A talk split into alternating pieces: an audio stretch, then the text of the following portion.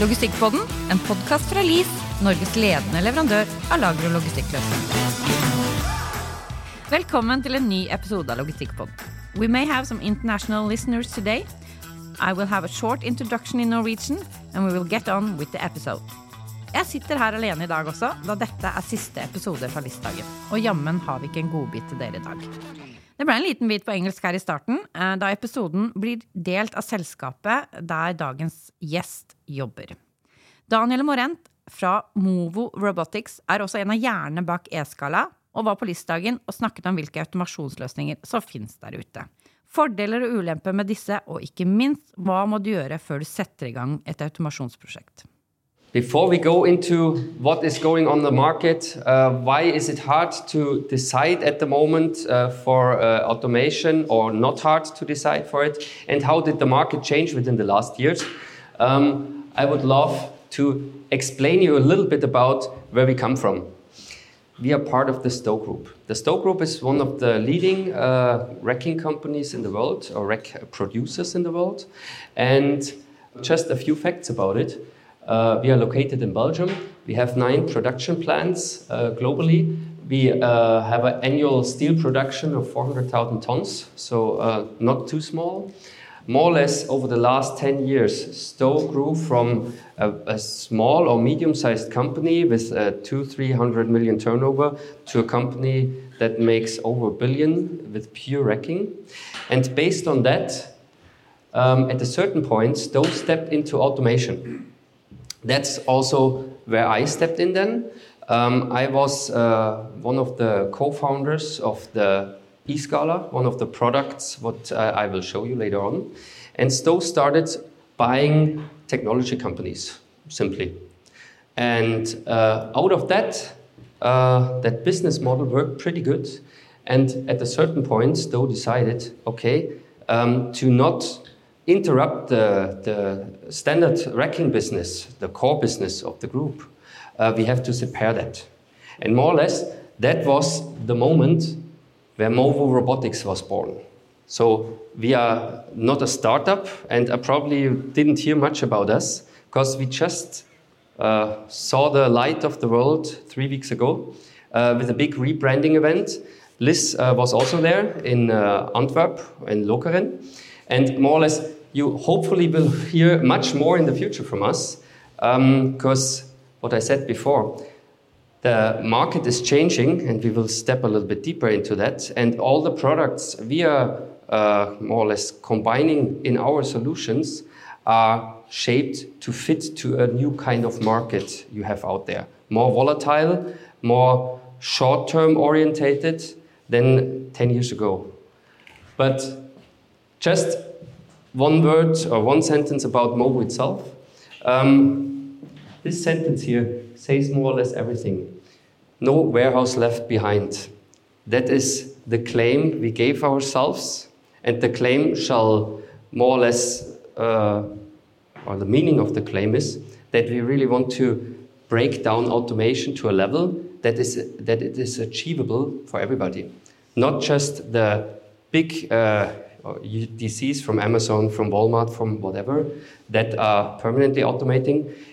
We, our goal is that really everybody uh, around the corner should be able to use automation in their warehouse for a low price with a low barrier to implement it. So, at the moment, our product family consists out of four products. We have Datlas, that is a uh, pallet uh, shuttle. We have the eScala. That's where I was one of the founders from, that you can see here. That is a bin or carton shuttle. Then we have the iFollow. That is um, a classical AMR. And we have our Eligo, that's the newest member of the family. That's a picking robot. Just a few words what we discovered or what we experienced over the last four or five years. Um, also, one step back in history, um, started to really go into automation roughly four years ago. So even when we are not a real startup anymore, we are just four years old. And in that time, we saw that some points are extremely important. Meanwhile, um, and that changed a lot to 10 years ago. And I just uh, pick also here uh, some of the points. Um, one is fast deployment, um, but also one is fast and easy entry into automation. So the planning process for automated system, like it was in the past, where you planned one, two, three years, that is not possible anymore. Um, and when you look at the market itself, in which direction it moves with automation, every new technology which is coming on the market is shaped for fast implementation, fast planning phase, or quick planning phase, and normally also uh, foresees a much better ROI than two, three, four, five years ago. I directly would jump into the ASRS market. A short interruption uh, to explain some terms in Norwegian.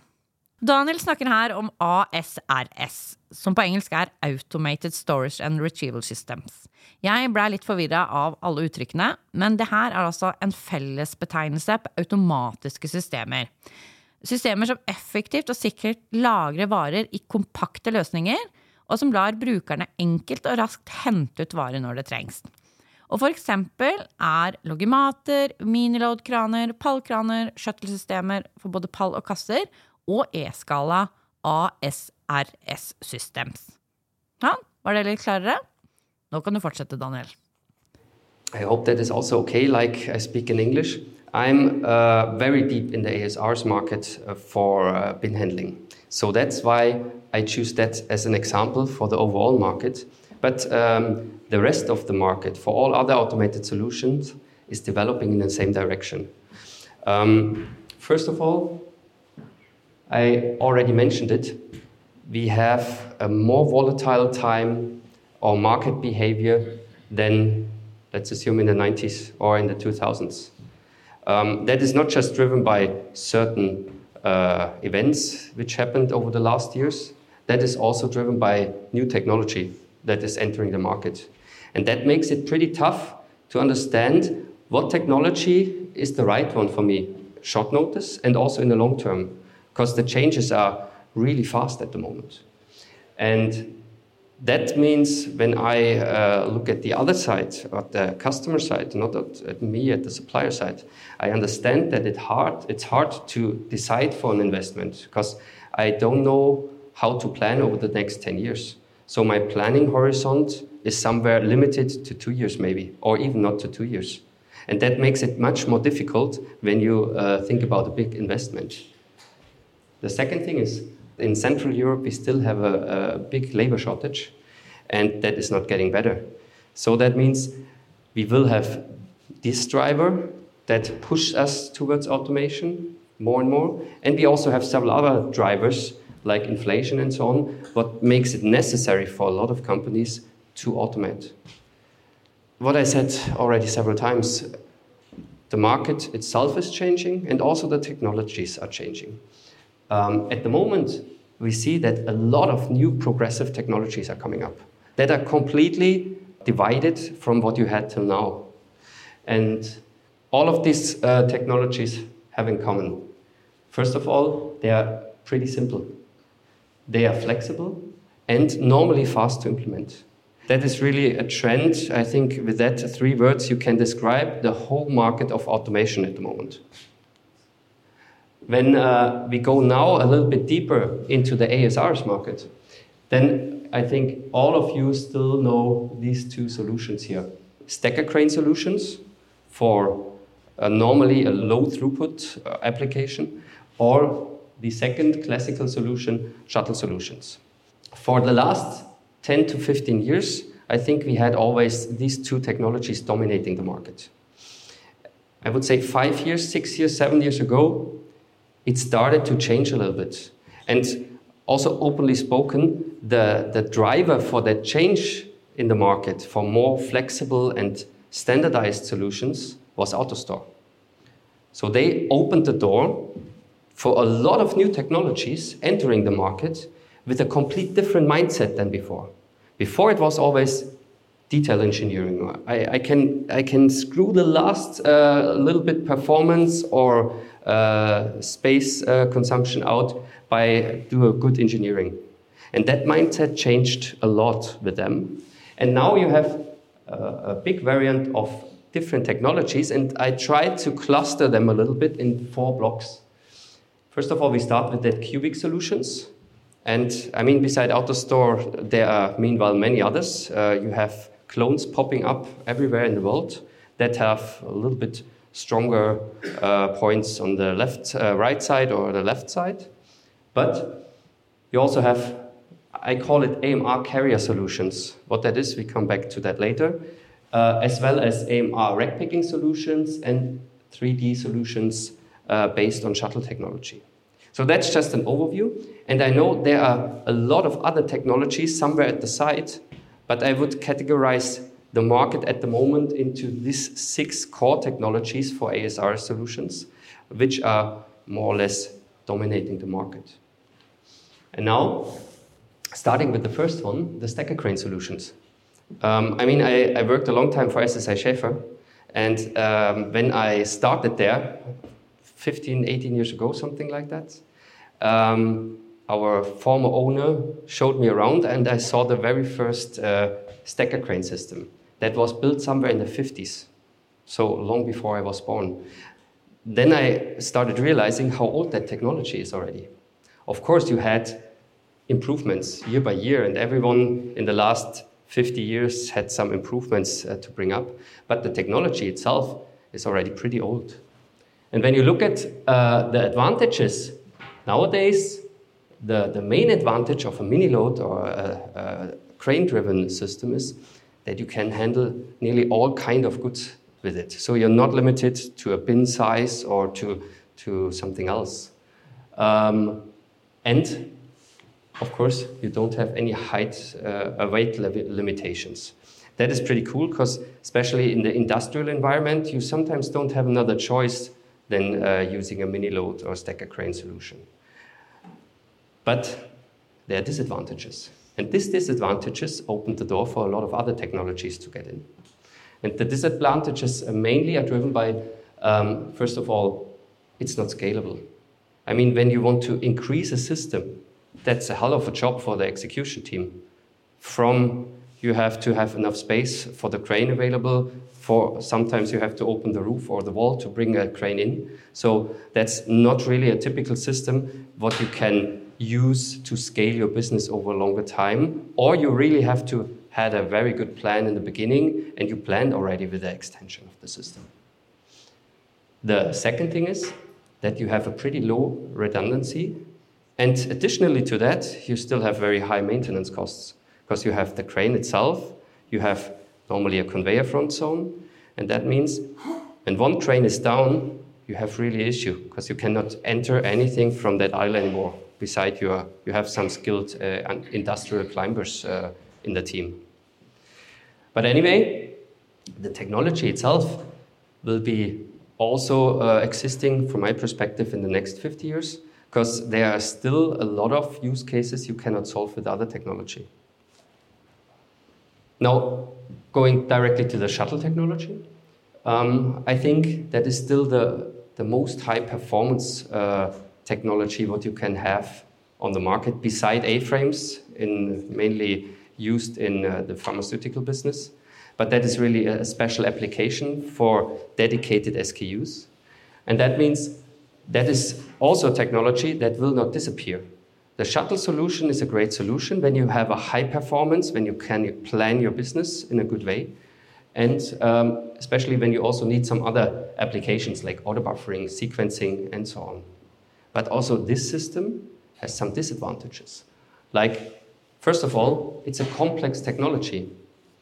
When you have an engineer sitting and planning a shuttle solution, then you have to always keep in mind that you have the shuttles connected with the lift that is going up and down, connected with the front zone.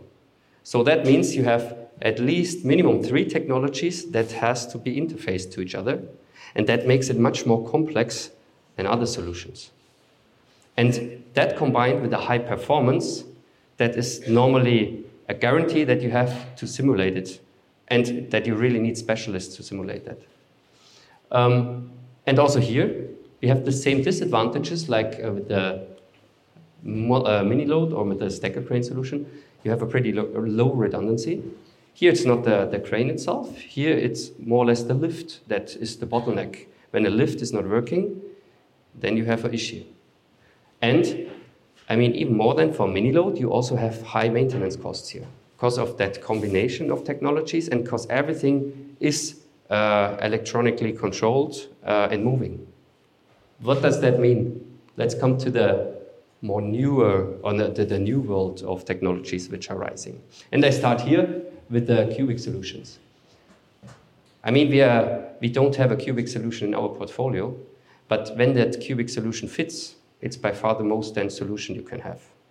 And I think that's not a secret. That's a big advantage of the system.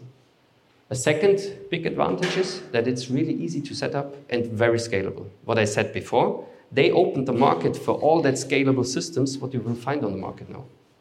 But, like with all systems, you never find the one fits all system normally. You also have some disadvantages here. And normally, the biggest disadvantage is that you are limited in applications. So that means you also need some subsystems around, especially when you come to a higher performance. And the, there's a certain limitation in adapting to your business. So when you have a, a massive, uh, massive change in the SKU structure or in the ABC curve, then it can be that the system is not really good, uh, not a really good fit for you anymore. And that's more or less important when you plan with cubic solutions in the long term. Do you expect major changes in ABC curve or in, uh, in the SKU set? Then you should at least have a plan how to handle that in five years when you have a cubic solution uh, up and running. Then we come to the next solution, the carrier uh, or AMR carrier solutions. They are pretty interesting, pretty often driven by uh, Asian companies, but they are by far the cheapest solution or cheapest automated solution you can get on the market. And I mean, that hurts a little bit because we also don't have these solutions in uh, our scope. But um, we should be fair here, and they have a major advantage, and that is the, the extreme low hardware cost. The second advantage is they're very fast to install. But also here you have disadvantages again. So, first of all, the space utilization is not the best because you're limited somewhere to three, uh, three meters, two meter 50, something like that. And if you want to go higher, you need a mezzanine level. So that means when you have uh, a huge warehouse on the countryside where the square meter price is pretty low, then that can be a very good fit. Or when you really just have a few SKUs you want to automate. But at a certain point, you come to limits, especially in space utilization, because when you go in several levels, the complexity increases a lot because you have to uh, bring somehow orders together. So that means you need lifts, you need a consolidation process, and that makes it complex. Uh, complex. The second thing is you are limited in performance. You can imagine when, when you have robots just running on one level, then you are somehow limited in how many robots you can fit on that space without blocking all of them. So that means it's pretty simple to calculate where's the maximum output you can get from a solution like that. And that is normally, at least in our experiences, one of the triggering factor for further growth that you're purely limited in the performance you can get out of a certain area. So then the next one. From my perspective, that is the advanced version of uh, the one you saw before. That are we, we call we called it rack picking AMRs. Because the difference to the AMR solution I showed you before is they are not moving the racks or shelves, they are going inside of shelf systems and picking up bins. The charming thing about that is they can have backpacks and they can store several bins on the backside. And that allows to get to a higher performance, like with the, the purely uh, floor based AMRs. But of course, also here, uh, we have a limit in space utilization. And also, because we are just operating on one level, at a certain point, we have a, a cap in throughput, what you can get out of that system, so solutions. So now, coming to the 3D shuttle solutions. And more or less, that's our field. That's why I kept it for the end. Here, we have also several systems on the market. And the charming thing about that is that uh, they can achieve a pretty high performance. So we can start with a low performance, and by purely adding robots, you increase the performance.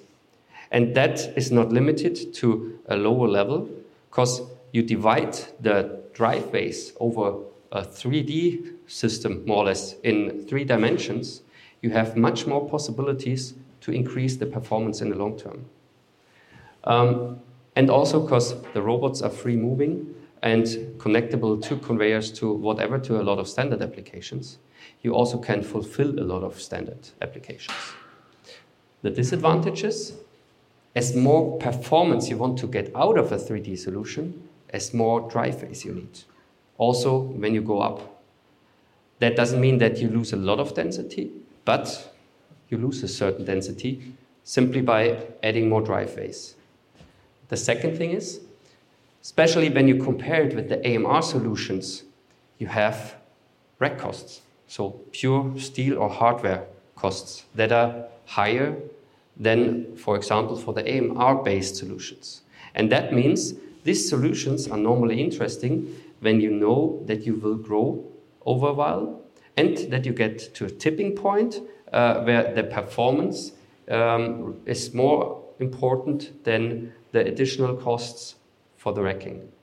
Det var en grundig gjennomgang av Daniel på fordeler og ulemper på de mest vanlige ASRS-produktene som finnes der ute i verden. Nå går han over til hvilke spørsmål du må stille deg før du går i gang med et automasjonsprosjekt. But I mean, what I explained you now is a high-level theory, but what I always like to explain how to come closer to what solution do I really need. First of all, you always should keep some simple questions in mind. The first one, and that shall not sound silly, but how experienced are you with uh, automation? That can go really good, but when you're absolutely not experienced with automation, that can go also very wrong. And that's why the first thing I always try to to get uh, get out from someone when I'm talking about automation is how skilled is the company itself, or do we really need someone who is planning that, uh, making a data analysis and so on upfront before we really start talking about which solution is the right one. The second thing is what kind of data is available. And I mean, we saw that uh, in the last years, especially with medium-sized and smaller companies, the database which is available is often not the best one. And then you can have a great system design, but when the system design is based on data that are roughly okay, then you also can forget the system design, honestly spoken. And then, from my perspective, the most important uh, topic you should tackle what do you expect from your business to grow, to shrink, to stay stable in the next years, and also to change in SKUs, in uh, order structure? That is the most hard question to answer because that's a little bit glass ball looking. But at least based on the experience from the past, you should be able to, to have an idea. And then it's just a belly feeling in which direction will it go. And then which information are uh, normally needed uh, to take a decision.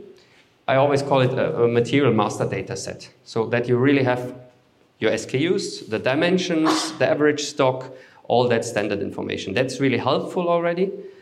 Then the order uh, profile, and also here, based now on the order profile and the SKU structure, how shall that develop over the next years? And then we come to the decision making process. And there, till now, it was always the key that you have a fast ROI. We saw that in the last I would say two years after COVID, especially in Central Europe, that changed a lot. That we are not always confronted with, oh, but I need an ROI below two years. It's more, oh, but we don't get people anymore. So, yeah, we have not an ROI below two years, but anyway, we have to change our operations because we don't find people anymore. And beside that, Uh, what is, from my perspective, extremely important, meanwhile, is that you have a look at the TCO. So, including all service costs, all license costs, because when you look at all the new solutions, they are often driven by uh, a software mindset, what is good. But a software mindset also means that you have license costs, that you have higher fees you pay permanently. And that you should always take in consideration uh, when you take a decision for an investment. And of course, how is the technology itself developing? Is it a technology that is mature and nothing happens anymore? Or is it a new technology in the beginning? But for me, always important is is something going on with that technology in the market itself? Is someone taking care that it, it goes on with uh, developing? That is always an indicator how, how far will that technology guide you in the future also. So I directly started with software. I mean, that's still the driver for all automation. You normally always have divided into uh, somehow a PLC that is driving the machine, then somehow a traffic controller, material flow controller, and that's nothing new that you have already for many years in all software levels. And then above that, we call it WCS, some call it WES, some have complete different names for it. It's more or less all what is combined below location management, workload uh, balancing, and so on. We came out from the general market. How do we at least see it, how it's developing? And I directly throw you into our products. So I hope that's okay that now in the end I also make some commercial for us. The first product from us is the iFollow. That is our AMR, uh, technology for transporting uh, pallets.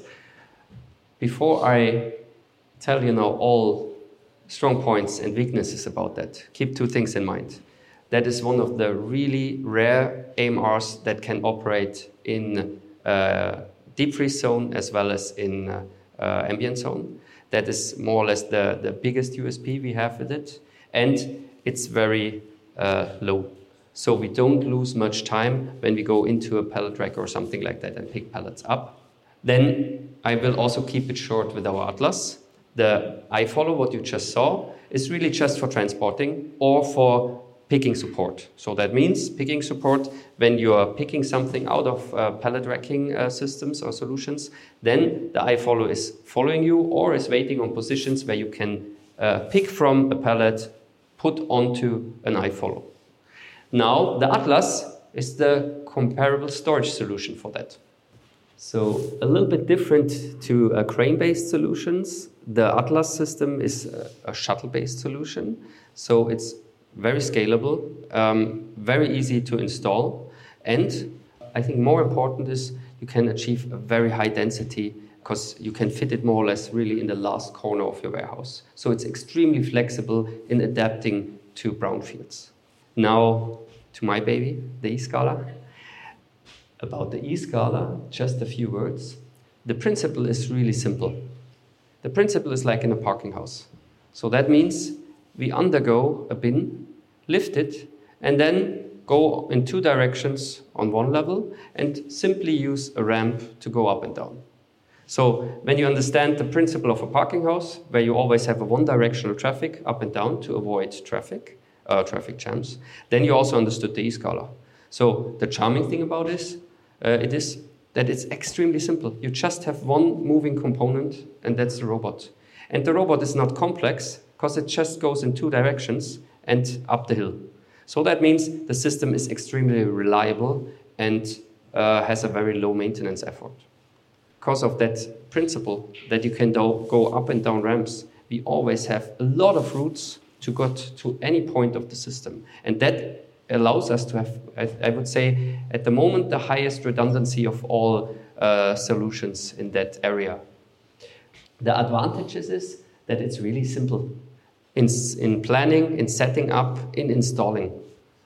Then we have a very high tolerance to changes in uh, ABC curve and in SKU set. Why that is like that? I will teaser that, but I will not be able to explain that completely. And we uh, designed the system that you can keep your totes as long as they have a, uh, enforced bottom, that they don't deflect. We can use nearly all uh, bins which are already existing. Now to finalize everything, that is our latest baby connected to our eScala, our Eligo. The Eligo is a, a piece picking robot connected to our uh, ASR's uh, eScala. The charming thing about it is that based on order buffering, what we can uh, supply with the eScala, we can um, achieve overnight picking, pre-picking, so we can play with your order profile. Some key data about that, because that's important here. We cannot handle everything up to two kilo, and because that is really the newest product, we really try to go in the market with that uh, with applications what we can control. So low performance, normally overnight uh, activities, so that we really can can uh, handle that. But in a in a later stage, we want to come up to 600 items per hour, what we can really pick during the day. Det var veldig lærerikt eh, foredrag av Daniel. Derfor vil vi også ha det med her i podkasten. Og hvis det var litt vanskelig å se for seg alle produktene, så ligger det en del informasjon både inne på list.no og på Momo Robotics, eh, som kan gi fine bilder av hvordan dette fungerer i praksis. Da har jeg faktisk bare lyst til å ønske deg god jul, godt nyttår, og vi gleder oss til en spennende tid i 2024.